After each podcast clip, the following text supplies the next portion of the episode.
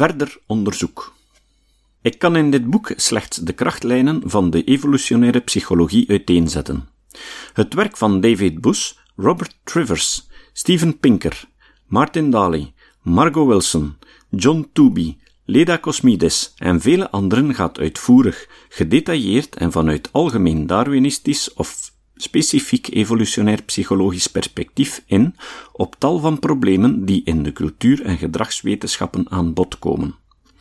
Zo werd onder meer onderzoek verricht naar seksuele voorkeuren en naar de verschillen ter zake tussen de seksen, naar voedselpreferentie, naar agressief gedrag, naar sociaal coöperatief en altruïstisch gedrag, naar ouder-kind relaties, naar verschillen tussen de sociale relaties van genetische verwanten enerzijds en niet-verwanten anderzijds, naar de rol van status, prestige en sociale dominantie, naar autisme, naar spraakstoornissen, naar de criteria die mensen hanteren om de schoonheid van andere mensen te bepalen, enzovoort.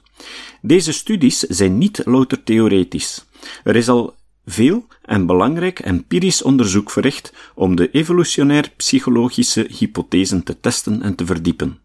Ik geef een voorbeeld ter illustratie. De evolutionaire psychologie voorspelt dat mannen en vrouwen verschillende strategieën zullen volgen bij hun partnerkeuze. Anders uitgedrukt, ze zullen er verschillende seksuele voorkeuren op nahouden. Vanuit evolutionair perspectief investeren mannen immers veel minder in het verwekken van nageslacht. Eén seksueel contact dat leidt tot een zaadlozing kan voldoende zijn.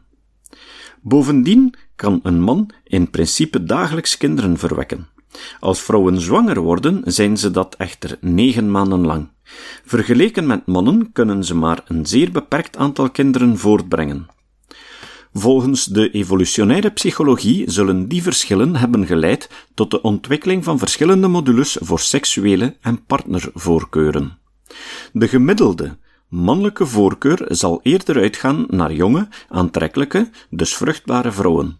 Indien bij onze voorouders een seksuele preferentie ontstond voor oudere, onvruchtbare vrouwen, zou die zichzelf geëlimineerd hebben, want ze kon zich niet over de generaties heen verspreiden.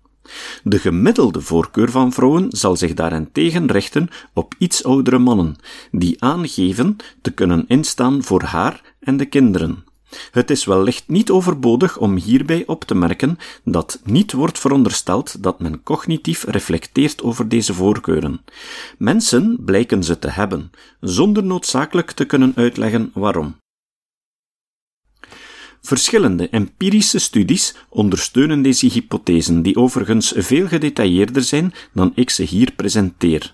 Zo is er onder meer het indrukwekkende onderzoek uitgevoerd door Bus Abbott, Angleiter en anderen dat partner- en seksuele preferenties naging in 37 verschillende culturen. De door de evolutionaire psychologie naar voren gebrachte hypothesen over de verschillen tussen de seksen bleken in al die culturen op te gaan.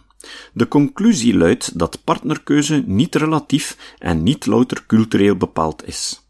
De voorspelde preferentieverschillen blijken immers universeel. Ten slotte wil ik hier ook de misschien overbodige opmerking maken dat uitzonderingen geen afbreuk doen aan de algemene trends die worden blootgelegd. Mannen hebben gemiddeld genomen een grotere lichaamslengte dan vrouwen, wat waar blijft ondanks het bestaan van mannen van 1,60 meter en vrouwen van 2,10 meter.